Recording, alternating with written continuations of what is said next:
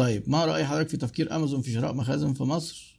آه، ده شيء طبيعي جدا. هي أساسا سوق دوت كوم لا مش الناس واخدها برضو أكبر من اللازم. هي أساسا أمازون ما هي موجودة وشغالة وهي لما تشتري مخازن ده مش نقلة رهيبة يعني مش نقلة نوعية في نشاط أمازون في مصر.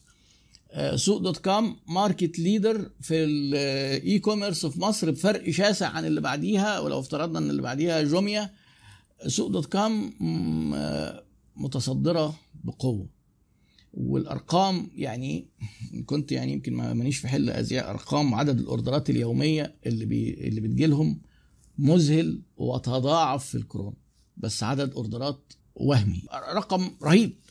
طيب الناس دي في حاجة اسمها fulfilled by سوق أو اللي هي إيه، واخدينها من fulfilled by امازون قبل ما يتباعوا الامازون إن المورد بيجيب لهم الحاجة يسيبها عندهم وهم بيوردوا من مخازنهم ويحاسبوا إيه، المورد أو البياع لأن أنت بتبيع على من من حق أي حد فيكم يروح يبيع على سوق. تمام؟ فمحتاجين مكان للتخزين.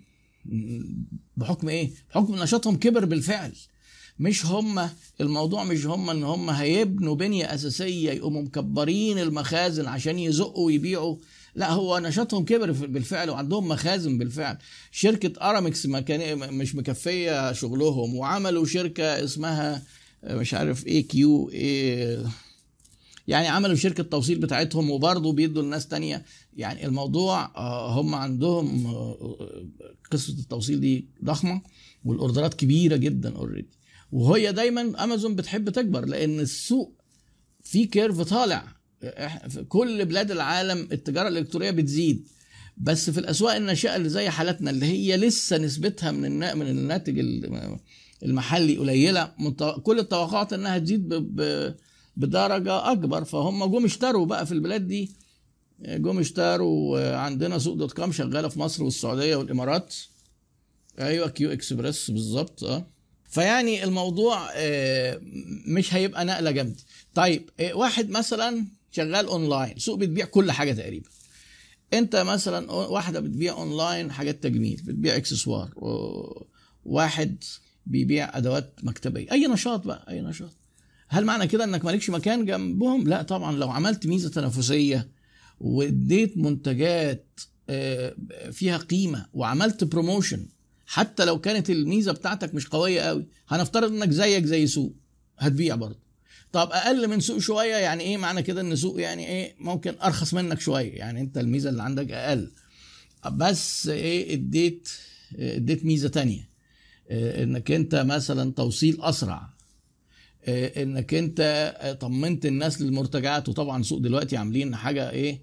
البياعين متضايقين جدا لأن سوق عندهم العميل هو اللي إحنا بنقوله ده بينفذوه. كان ودلوقتي ده امازون اللي شغاله امازون بقى اللي إيه لو جالك اتعاملت مع امازون وجالك أي إيميل منهم آخر سطر.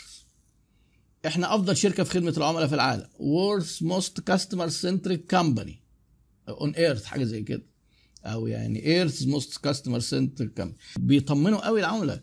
في مصر التجارة الإلكترونية لسه سمعتها وحشة عشان ناس كتير يقول لك لا ده ما- ما جات لك طب انت ما كانش من الأول ليه؟ ده ليه؟ ليه بترجع؟ طيب لا إحنا ما عندناش ما أعرفش إيه.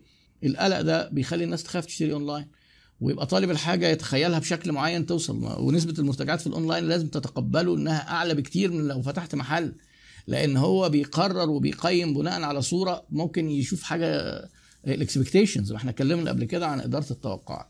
أيوه أمازون اشترت سوق dot com في السعودية سوق dot com شغالة في السعودية ومصر والإمارات. وبعدين أمازون غيروا اسم سوق dot com في السعودية والإمارات بقت أمازون.